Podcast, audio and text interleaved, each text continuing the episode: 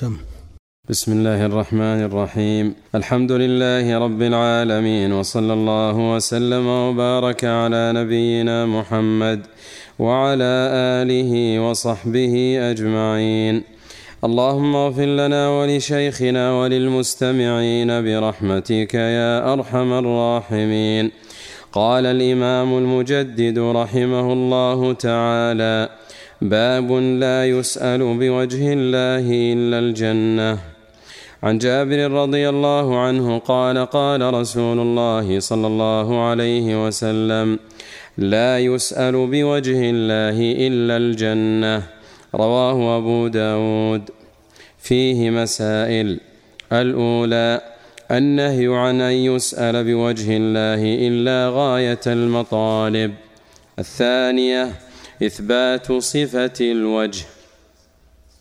الحمد لله رب العالمين صلى الله وسلم وبارك على عبده ورسوله نبينا محمد وعلى آله وأصحابه أجمعين.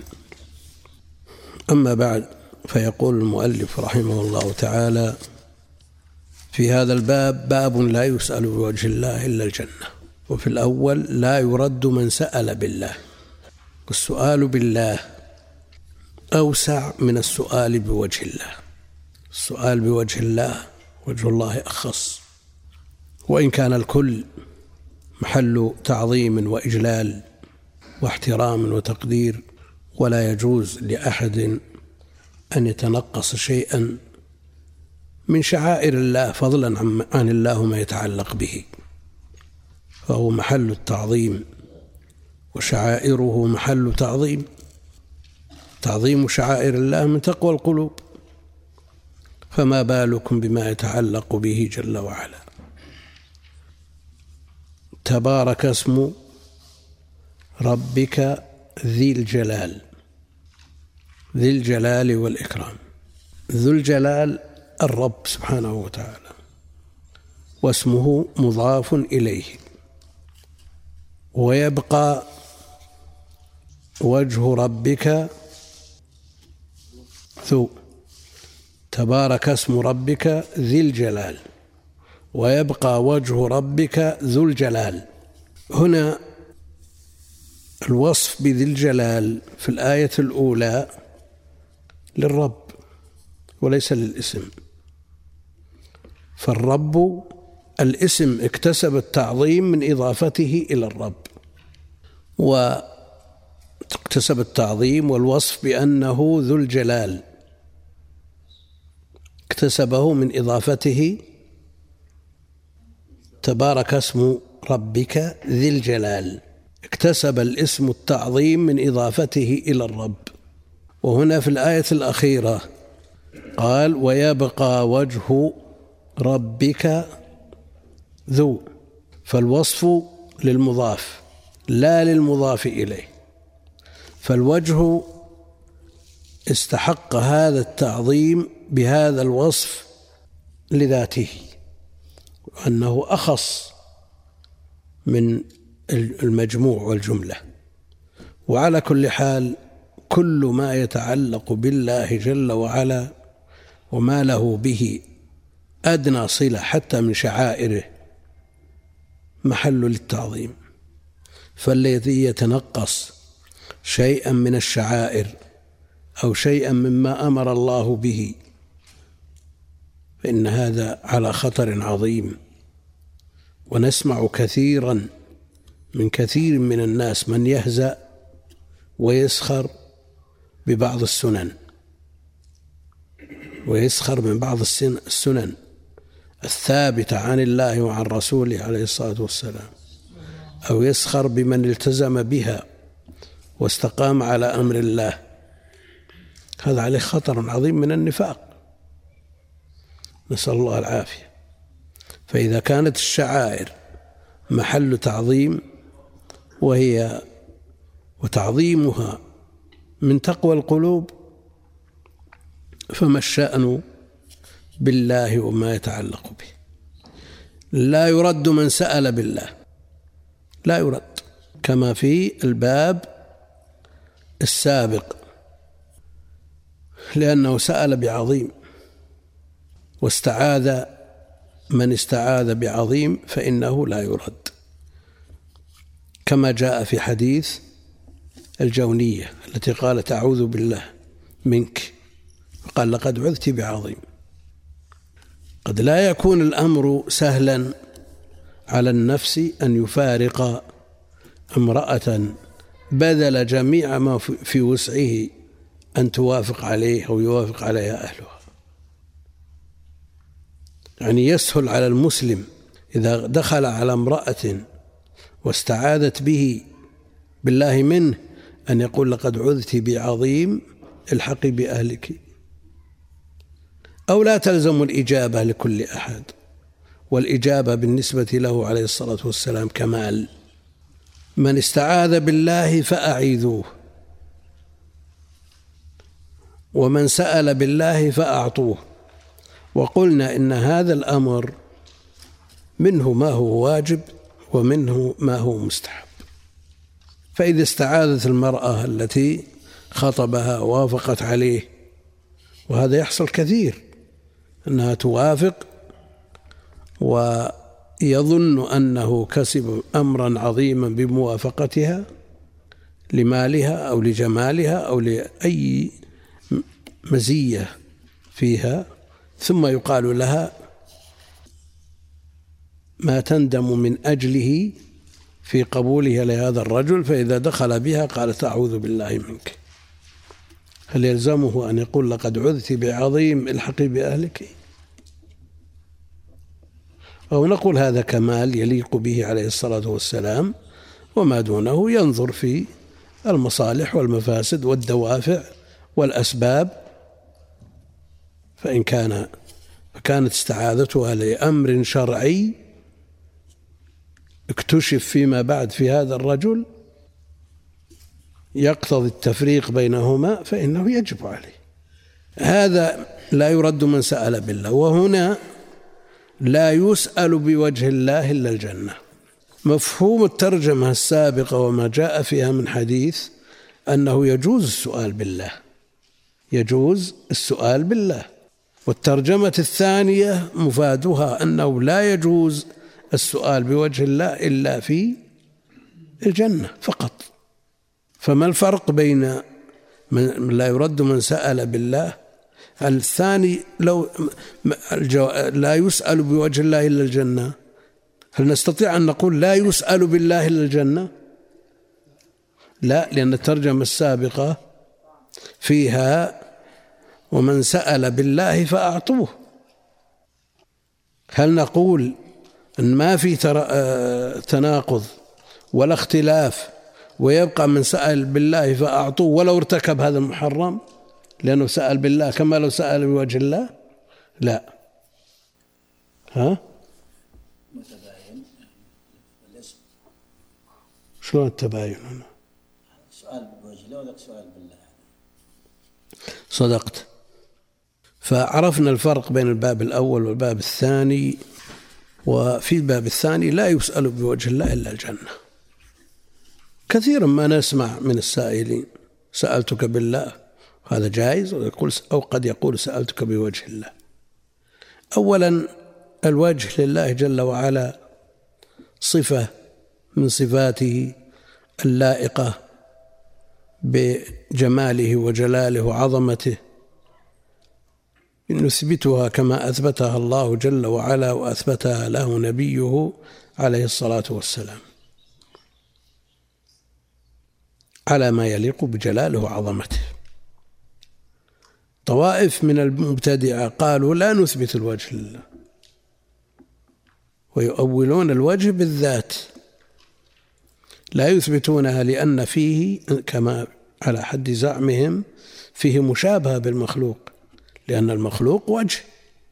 لأن للمخلوق وجها فإذا أثبتنا أن لله وجها فقد شبهناه به. أيضا للمخلوق ذات.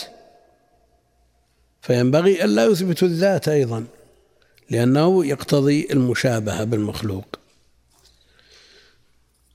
ف والكلام في الصفات كما يقول أهل العلم فرع عن الكلام في الذات. نعم.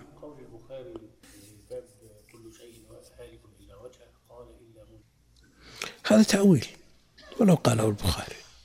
هو تأويل تأويل بلا شك. بهذه الصيغة تأويل.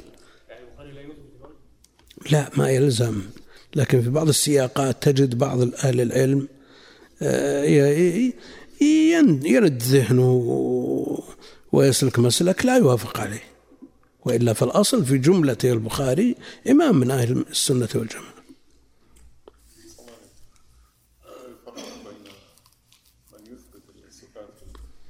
نعم. يقول إذا أول في موضع وعرف من منهجه أنه يثبت الصفات والأسماء لله جل وعلا أنه يقبل منه. مثال ذلك ما جاء في تأويل بعض الشراح من أهل السنة الذين يثبتون الأسماء والصفات. والذي نفسي بيده قال روحي في تصرفه. هذا خطأ. ونجزم بالخطأ إذا كان ممن لا يثبت الصفات.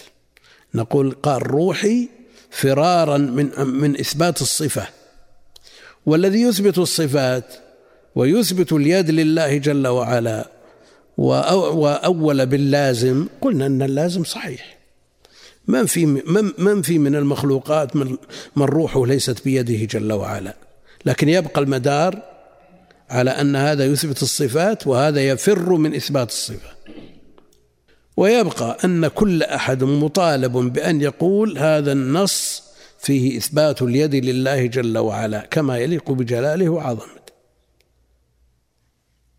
وإذا أثبت فالتأويل باللازم والقول باللازم صحيح. روحي في تصرفه. في أحد روحه ليست في تصرف الله جل وعلا؟ لا لكنه مع ذلك يثبت ويعرف ويستفيض عنه أنه يثبت اليد لله جل وعلا.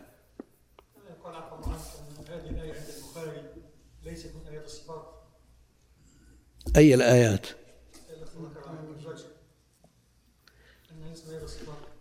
بعض العلماء من أهل السنة ينازعون في بعض الآيات.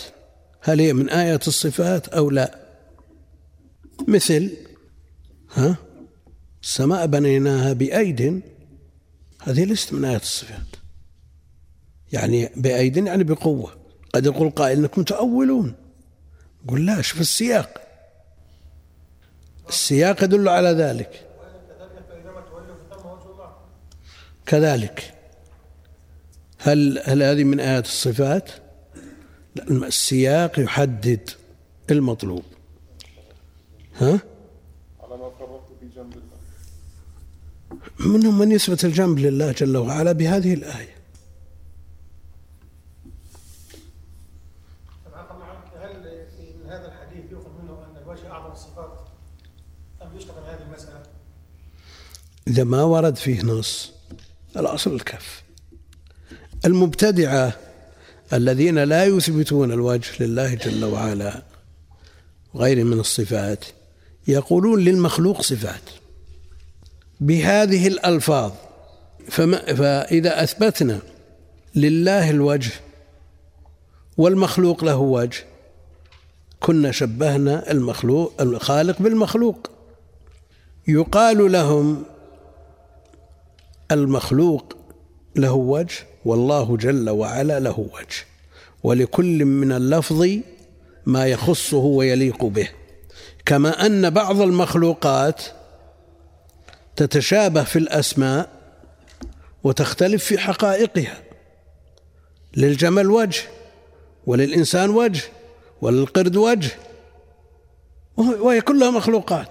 تتشابه ولا ما تشابه والخالق جل وعلا له ما يليق بجلاله وعظمته. من ذلك مما لا يكون فيه أدنى مشابهة ومماثلة لمخلوقاته. لا يسأل بوجه الله إلا الجنة. الجنة هي أعظم المطالب. ولذلك خصت بهذا. لا يسأل بهذا الاسم العظيم أو بهذا الوصف العظيم إلا أعظم المطالب وهو الجنة.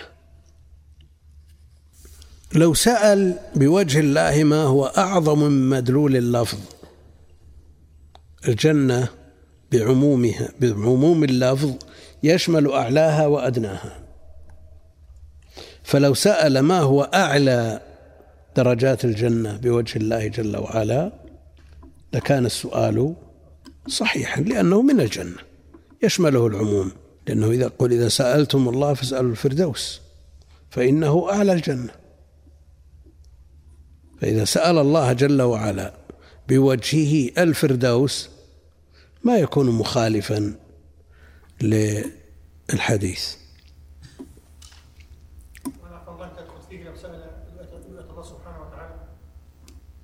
شو؟ نعم. لو سأل الرؤيا الرؤيا سأل الله بوجهه رؤيته يوم القيامة. هذا من لازم دخوله الجنة. هذا من اللازم. أنه إذا دخل الجنة سأل الرؤية. والأصل في الأسئلة والدعاء وعدم الاعتداء فيه ما جاء على جهة الإجمال يجمل. كما تقول أسألك بوجهك رؤيتك في الجنة ومصاحبة نبيك وكذا وكذا. كما تستعيذ بالله من النار وحياتها وعقاربها وأغلالها وسعيرها وكذا. هذا اعتداء في الدعاء. فما جاء مجمل يبقى على إجماله. ها؟ لأنه أخص. من جهة. ها؟ بوجهك؟ لا لا. سؤال الرؤيا عموما. عموما هذا ما فيه إشكال. اسأله عما شئت عموما. لكن الكلام بوجه الله. نعم. الواردة لاستعاذة النبي صلى الله عليه وسلم بوجه الله. إيه. الاستعاذة غير السؤال. وأعوذ بنور وجهك الذي لأشرقت له الماء هل هذا استعاذة بوجه الله؟ أعوذ بالله العظيم وسلطانه القديم. هم؟ نعم هذا ليس بسؤال بوجه الله. حتى لو صرح أعوذ أعوذ بوجهك قال هو القادر أن يبعث من يبقى موضوع الاستعاذة غير السؤال. موضوع الاستعاذة غير السؤال فموضوع الاستعاذة أخص لأنه من باب درء المفسدة والسؤال من باب جلب المصلحة عموم الاستعاذة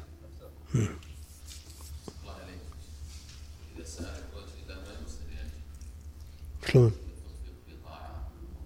إذا سأل بوجه إذا سأل بوجه الله يسأل من؟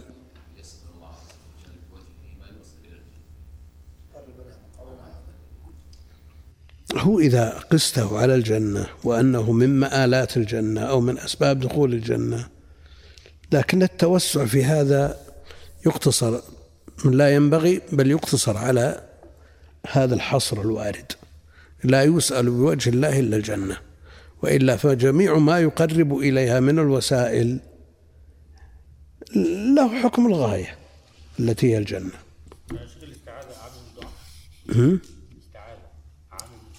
أعم من الدعاء عن جابر رضي الله تعالى عنه قال قال رسول الله صلى الله عليه وسلم لا يسأل بوجه الله إلا الجنة. رواه أبو داود. أبو داود أظن ما تعقبه بشيء. نعم. هل تعقبه أبو داود بشيء؟ ما ما أذكر في كلام لأبي داود. وعلى هذا يكون أبو داود سكت عنه.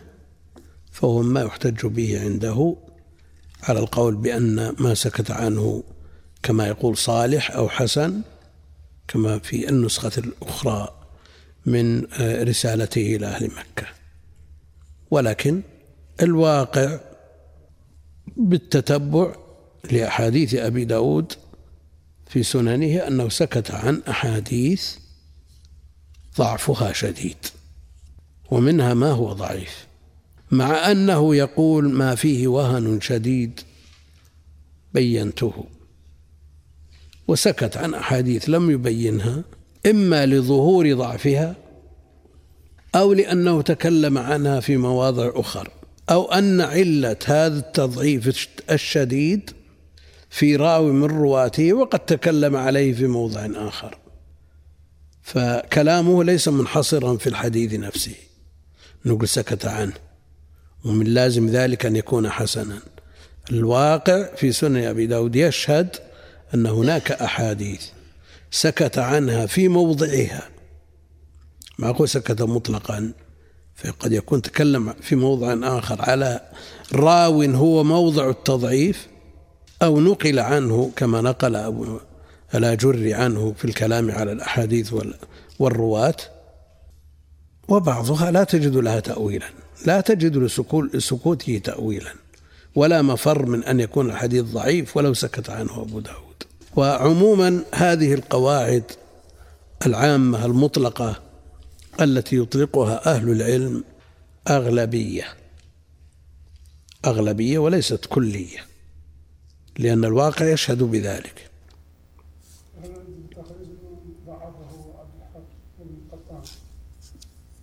سليمان أو الحديث. لأن فيه سليمان بن قرن ويزيد آه، لا إله إلا الله. قالوا مدار الحديث على سليمان بن قرن بن معاذ. وقد اختلف فيه وقد اختلف فيه. قال الإمام أحمد ثقة.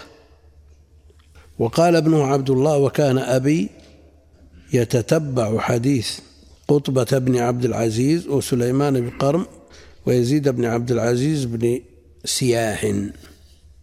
يزيد بن عبد العزيز ابن سياح. سياح مصروف ولا غير مصروف؟ ها؟ هو أعجمي بالاتفاق. هو مصروف ولا غير مصروف؟ نقول سياها ولا سياح؟ ها؟ استعمل علم. وكان في الأعجمية وصفا. ولذلك صرفوه. وقال هؤلاء قوم ثقات. وهو أتم حديثا من سفيان وشعبة. وهم أصحاب كتب. وإن كان شعبة وسفيان أحفظ منه. وذكره الذهبي في, أسم في ذكر أسماء من تكلم فيه. وهو موثق. قال المخرج وعليه فالسند حسن وللحديث شاهد من حديث أبي موسى الأشعري رضي الله عنه وغيره. مش قال عبد الحق؟ وقال المنذري في اختصار السنن وسليمان قال تكلم في غير واحد. والحديث ضعفه عبد الحق القطان كما في البيض والمنال في التيسير. لكن يشهد لعموم النهي حديث ابي موسى رضي الله عنه عن رسول الله صلى الله عليه وسلم قال مدعون من سائل بوجه الله ومدعون من سئل بوجه الله ثم منع سائله ما لم يسأل هجره أخرجه الطبراني كما في المجمع وحسنه العراقي صلى الله عليه قال الحافظ التقريب سيء الحد يتشيع. هو سليمان. ضعفه الألباني لكن له شاهد من حديث أبي موسى وغيره. فبمجموع هذه الطرق يتجه قول من حسنه. يتجه قول من حسنه.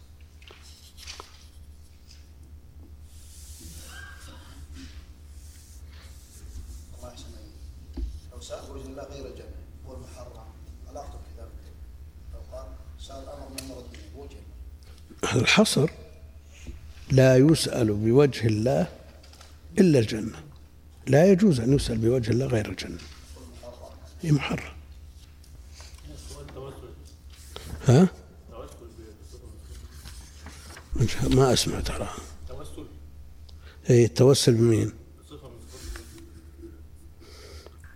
مسألة دعاء الصفة. كون الإنسان يدعو الصفة. كما يقول كثير من الأعراب هذا مسموع يا وجه الله. يقولون الأعراب يقولون هكذا. شيخ الإسلام نقل في المسألة كلاما قويا جدا. ها؟ نعم قال كلاما قويا جدا. قال إنه ها كفر بال... ونقل عليه الإجماع أيضا. يا رحمة الله ها كمان يقول يا رحمة الله ارحميني وهذا إذا اتجه إلى الصفة وجعلها هي المخاطبة بطلبه ولكن الاستعاذة. أعوذ بكلمات الله التامات من شر. ما إيش الفرق بين سؤالها والاستعاذة بها؟ في فرق؟ ها؟ نعم ولذلك صار أمرها أخف. وجاء بها النص. أعوذ بكلمات الله التامات والكلمات الله وكلامه صفة من صفاته. واستعاذ بها فالاستعاذة جائزة بخلاف الصفة وتوجيه السؤال إليها. لكن التوسل بها شيء جائز ها؟ التوسل من صفات الله بوجه لا التوسل متردد بين الطلب لكنه في حقيقة أمره لا يطلب من الصفة. لا يطلب من الصفة كالاستعاذة. بخلاف المواجهة في الطلب يا رحمة الله ارحميني يا وجه الله. وإن كان كثير ممن يطلقها لا يقصد هذا المعنى وأن الوجه منفك عن الله جل وعلا.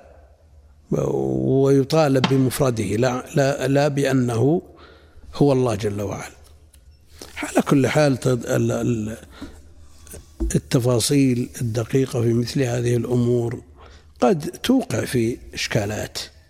فطريقة السلف الإجمال عموما شيخنا ذكر فائدة يستفاد من الباب الذي قبله الباب هذا أن يسأل بالله ولا يسأل بوجه الله إلا ما استثنى إلا الجنة. ما بس.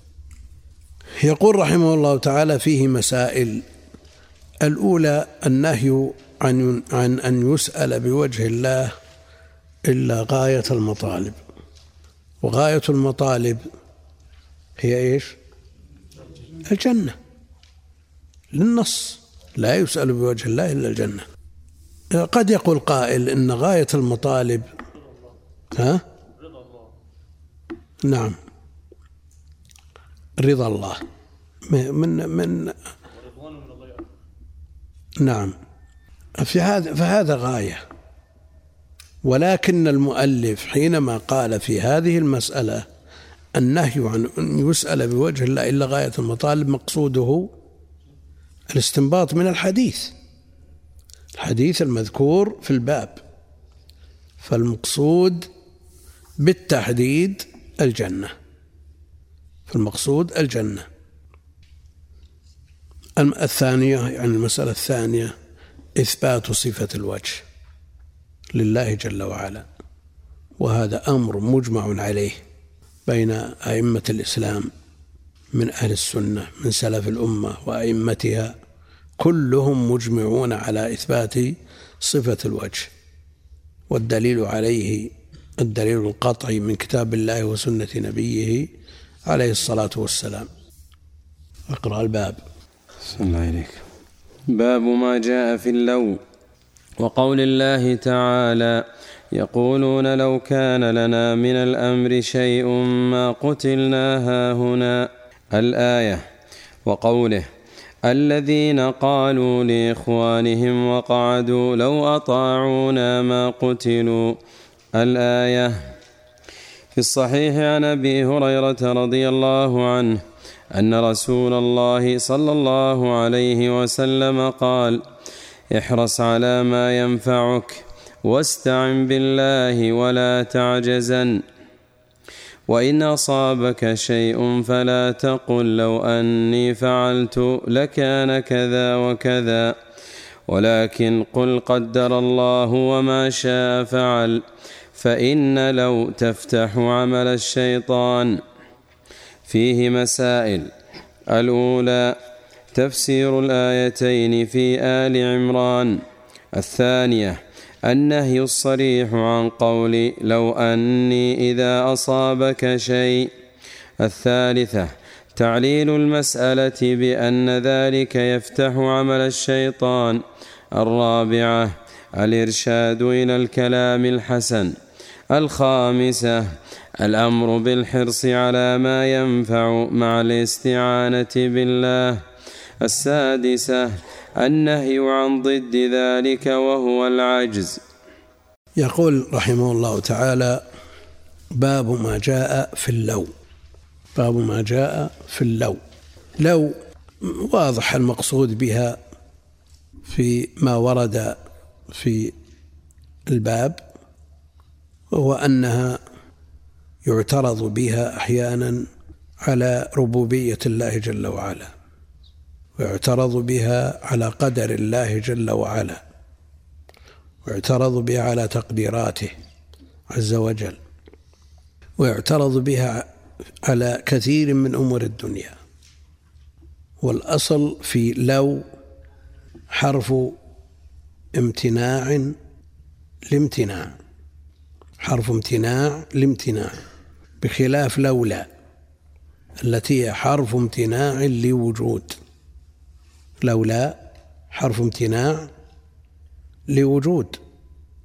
ومضت لولا في باب تقدم لولا البط لسرقنا. نعم اللصوص.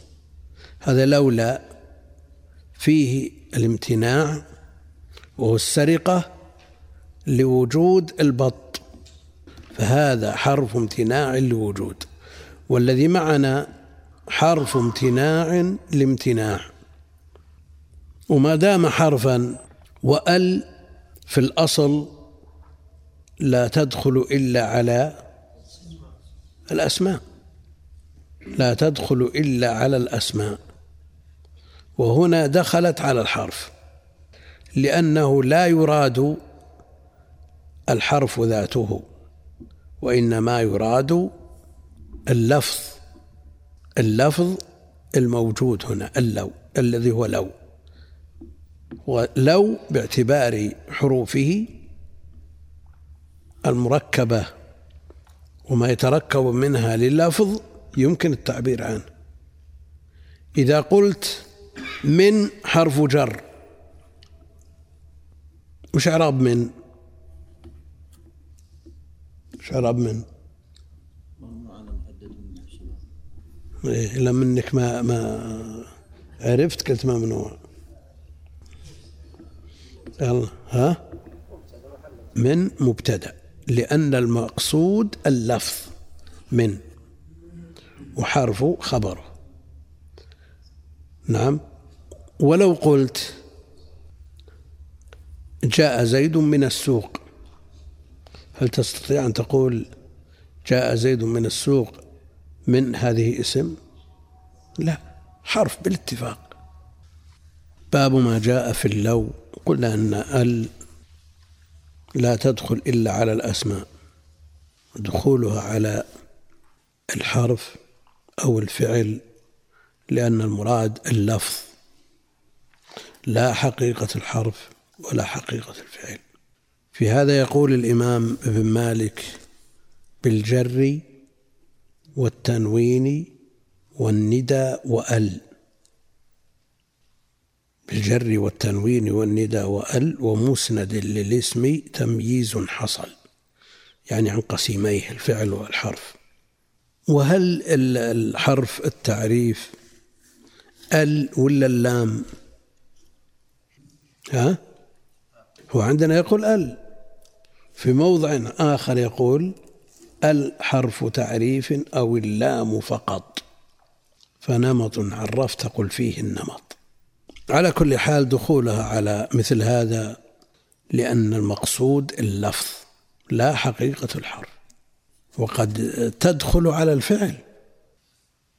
في قوله ما أنت بالحكم هل ترضى حكومته؟ ولا الأصيل ولا ذي الرأي والجدل. هل ترضى دخلت على الفعل ولكنها مؤولة بالموصول الذي ترضى. فأل تأتي بمعنى المنصوب الموصول؟ قد تدخل ال ولا تكسب تعريفا حتى على الاسم. فإذا كان الاسم علما مثل حسن هل يكون حسن بدون ال غير معرفة؟ فإذا اقترنت به ال صار معرفة لا وإنما يقولون بل هذه لمح الأصل. لمح الأصل. ونظائره من الأسماء كلها لا تكسبها التعريف. وإنما يلمح بها الأصل. فإذا أردت الحسن مقصودك في مخاطبة هذا الرجل بهذا الاسم أنك تستحضر وصفه بهذا الاسم فتقول الحسن. وإلا فالأصل هو حسن بدون ال ولا يكتسب التعريف بها. ولها الاستعمالات كثيرة. لها استعمالات كثيرة. هذا بعث أكثر من سؤال بعضها مختصر. يقول أعتذر مقدما قد تجد أنه يحتاج مني الاعتذار. أنا ما شفت شيء يحتاج الاعتذار. يقول أم الولد إذا قتلت سيدها هل ينطبق عليها من تعجل شيئا قبل أوان عوقب بحرمانه. يعني لو أن وارثا قتل سيده. حرم من الإرث لأن القتل من موانع الإرث. ويطبقون عليه القاعدة. من تعجل شيء قبل أوانه عوقب بحرمانه. وأم الولد ليست من الورثة. أم الولد ليست من الورثة فتحرم من الإرث بسبب بسبب هذا. لكن هل تحرم من العتق؟ لأنها تعتق بموت سيدها وتعجلت موته فقتلته فتحرم ما تعجلت. فلا تكون أم ولد. ها؟ شو؟ السبب ليس لذاتها لتحرم به وإنما السبب ولدها ولكن قد تستحق القتل. لأن قتل إذا قتلت متعمدة ولم يعفو الورثة إلا إذا اعتبرنا أن ولدها من الورثة وهو عاصب ويملك التنازل على ما سبق في درس الفقه في حديث أنس رضي الله عنه قال أبو طلحة لأم سليم لقد سمعت صوت رسول الله صلى الله عليه وسلم ضعيفا. الحديث في البخاري في كتاب المناقب قال في فتح الباري كذا لأبي ذر عن الكشميهني يعني هلموا. ولغيره هلم. وهي لغة حجازية. هلم عندهم لا يؤنث ولا يثنى ولا يجمع. ومنه قوله تعالى والقائلين لإخوانهم هلم إلينا. طيب لغة حجازية لكن غيرهم من بني تميم مثلا أو غيرهم من هذيل أو القبائل الأخرى يطابقون. فيجمع يفرد المفرد ذكر المذكر هلم ويجمع هلموا ويؤنث هلمي إلى آخره. فيه المطابقة وفيه لزوم الإفراد وفيه لزوم الإفراد. والأحاديث فيها ما جاء على لغة قريش وفيها ما جاء على لغات أخرى من تميم أو هذيل أو غيرهما. فلا إشكال. والإمام البخاري رحمه الله تعالى أحيانا يذكر الرواية على لغة قريش. ويترجم بغيرها. فقال في صحيحه رحمه الله باب إذا لم تستحي بالكسر بدون ياء فاصنع ما شئت. والحديث الذي أورده تحت هذه الترجمة إذا لم تستحي بالياء بياء واحدة. الأصل بيائين عند قريش وبواحدة عند بني تميم فإذا لم تستحي حذف حذفت الياء للجازم بناء على لغة تميم. وإثبات الياء الواحدة على لغة قريش في الحديث والأصل كما جاء في القرآن إن الله لا يستحيي. فالبخاري قد يترجم باللغة ويريد الحديث بلغة أخرى. يقول في حديث ابن مسعود رضي الله عنه في نفس الباب يقول آه، الشارح رحمه الله قوله حي على على الطهور المبارك أي هلموا إلى الطهور هلموا بالجمع. وهناك في الآية والقائلين لإخوانهم هلم إلينا بالإفراد وإذا كان هذا جائز في لغات العرب لا مانع من أن يستعمل هكذا ويستعمل هكذا. ويخرجكم طفلا. طفلا مفرد ولا جمع؟ ها؟ مفرد. طيب يخرجكم.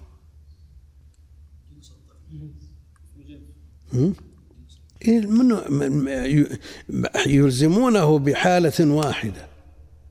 في حال الإفراد والتثنية هو الجمع. واللغة الأخرى كما هو معلوم مثل ما عندنا المطابقة. يقول فهل لهذا وجه في اللغة عمل عليه الشارح؟ يقول الشارح أي هلموا إلى الطهور؟ فتح الباري. فهل لهذا وجه في اللغة عمل عليه الشارح؟ نعم. ولم يقل به الكشميهاني وقال به جمع من الرواة رواة الصحيح. مسألة أخرى وهي في نفس الشرح. قال وقد اشتهر تسبيح الحصى. ثم قال وأما تصبيح الحصى فليست له إلا هذه الطريق الواحدة. وأما تسبيح الحصى فليس له إلا هذه الطريق الواحدة فهل يقصد الاشتهار لهذا الطريق أم ماذا؟ الاشتهار وعدمه أمور نسبية.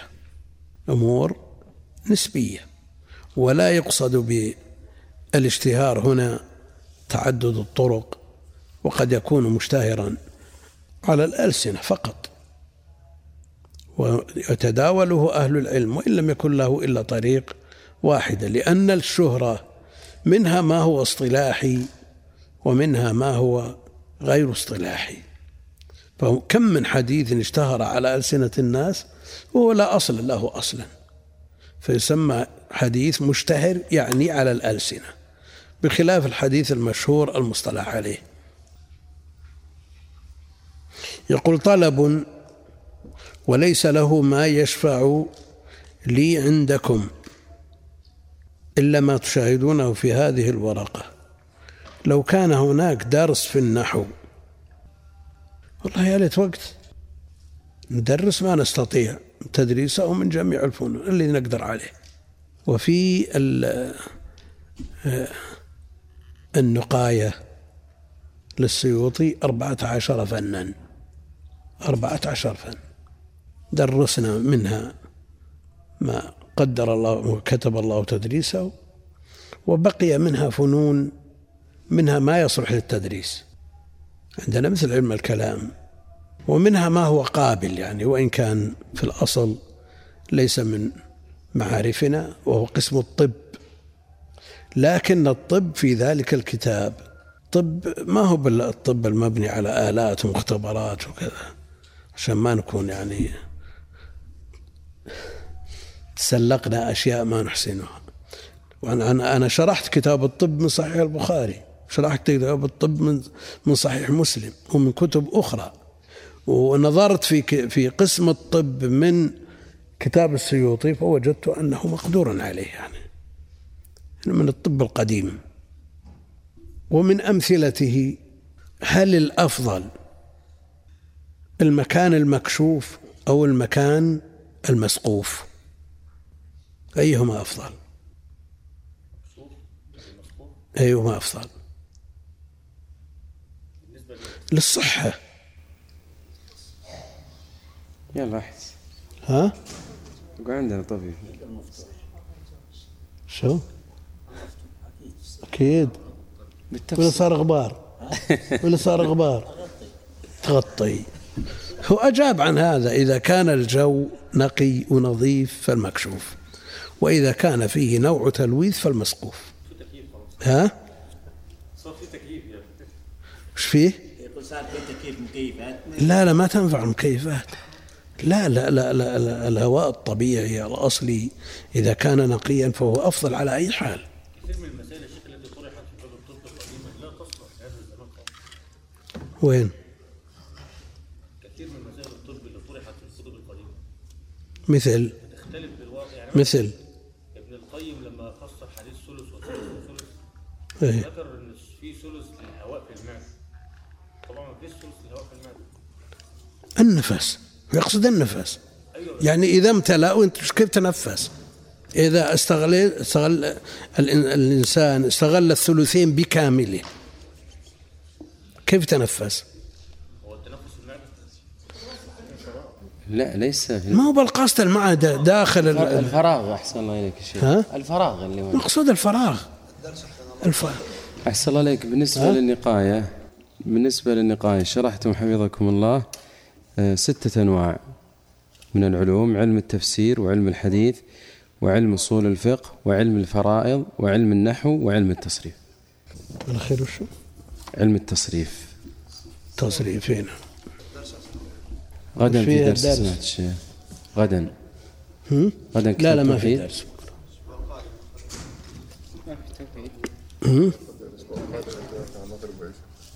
يمكن ناخذ مغرب وعشاء ونكمل البابين وأنا كم بقي الآن من أسبوع؟